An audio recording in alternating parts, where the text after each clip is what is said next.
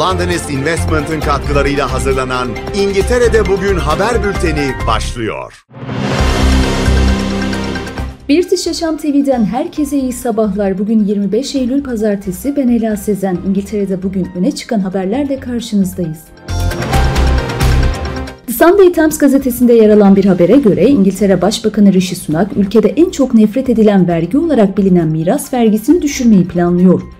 Bu düşüncesi gelecek ay gerçekleşecek olan Tory konferansı öncesinde öne çıkan vaatler arasında.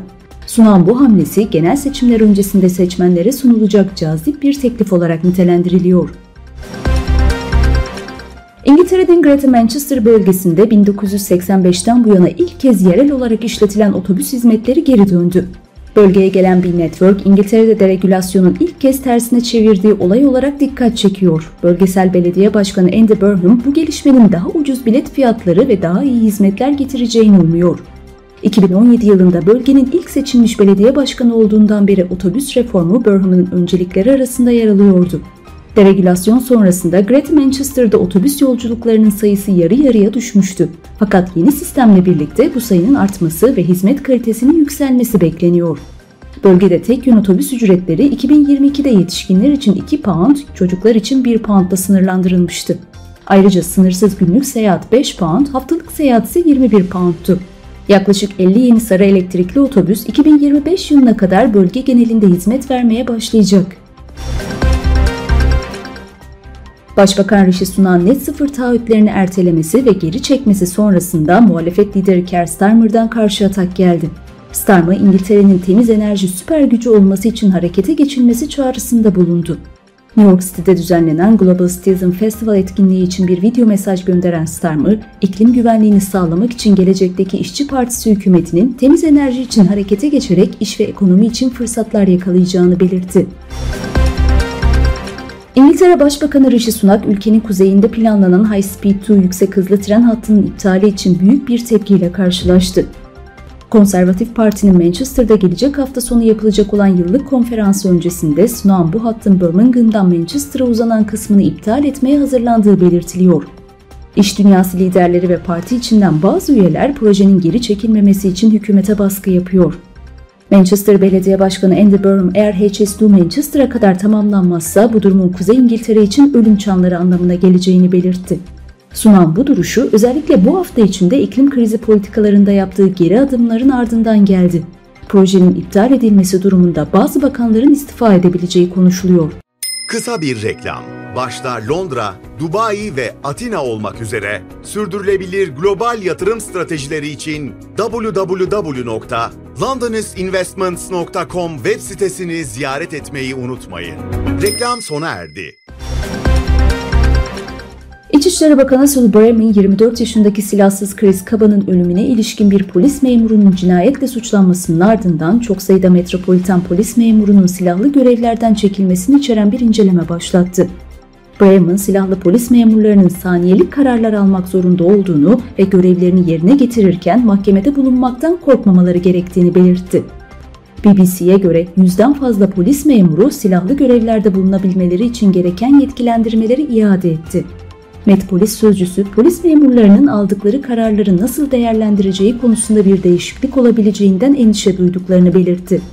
Sözcü Met'in önemli bir ateşli silah kapasitesi var ve silahlı memurlarımız Londra'nın dört bir yanındaki topluluklarda, parlamentoda, diplomatik binalarda, havalanı gibi birçok yerde görevli dedi.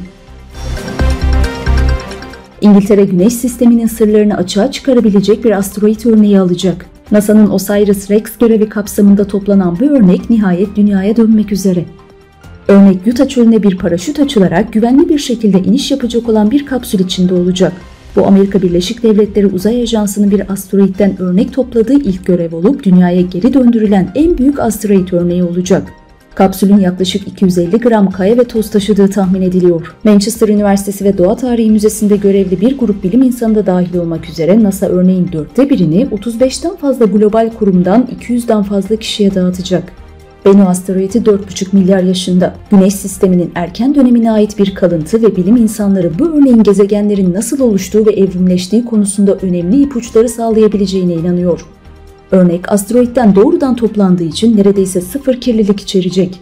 Uzay aracı 8 Eylül 2016'da fırlatıldı ve Aralık 2018'de Bennu'ya ulaştı. Neredeyse 2 yıl boyunca asteroidi haritalandırdıktan sonra 20 Ekim 2020'de yüzeyden bir örnek topladı. Başbakan Rishi Sunak kabinesindeki bakanlar hükümetten ayrıldıktan sonra lobicilik kurallarını ihlal ederlerse en fazla 19 bin sterlin para cezasına çarptırılacak. Mevcut bakanların tümü hükümet görevlerinden ayrıldıktan sonra özel sektör firmaları adına yapabilecekleri işlerle ilgili kurallara uymayı taahhüt eden yasal bir taahhüt belgesi imzalayacaklar. Uygulamanın yalnızca yeni bakanları kapsayacağı sanılıyordu ama bir dizi skandalın ardından mevcut bakanların da yeni atanma kurallarına uymayı taahhüt etmeleri için belge imzalamaları gerekiyor.